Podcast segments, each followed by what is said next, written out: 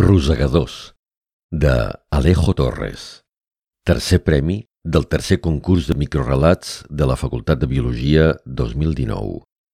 Enregistrament en veu alta.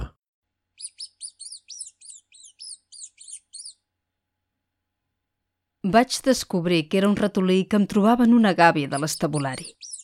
Estava sol, però en caixes similars, contigües a la meva, agrupades que feien la impressió d'una ciutat de rosegadors, un rumor de xiu-xiueig, de cossos remenant les serradures, de minúscules dents mastegant, em feia intuir una multitud d'éssers com jo.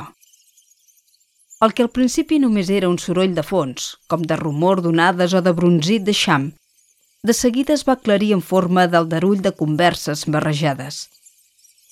Vaig sentir la veu dolça d'una mare dirigint-se als seus nadons, les paraules vanitoses d'un exemplar parlant del seu pelatge, les frases de cortesia de dos ratolins que per una voluntat desconeguda han coincidit en una gàbia.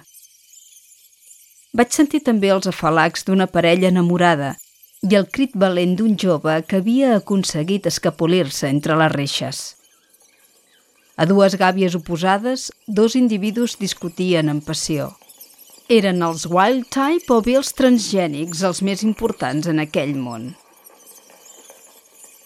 Em va sorprendre l'existència entre els ratolins del meu doctorat d'una aristocràcia fluorescent. Anava a preguntar quin lloc assignaria aquella societat a un ratolí que havia estat humà quan una veu lenta i profunda, com d'arbre vell, va clamar des de les alçades. Ai, ignorants! Guardeu-vos les vostres paraules, que de res us serviran.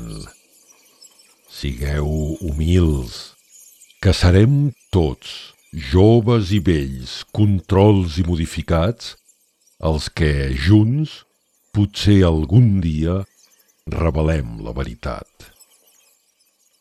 Quan el dia següent vaig baixar l'estabulari, el mateix soroll animal de sempre em va confirmar que tot havia estat un deliri del somni. A un dels prestatges superiors, un ratolí ja ancià, amb els seus dos llargs anys, dormia plàcidament. Vaig pensar llavors que potser al seu torn estigués somiant ser humà.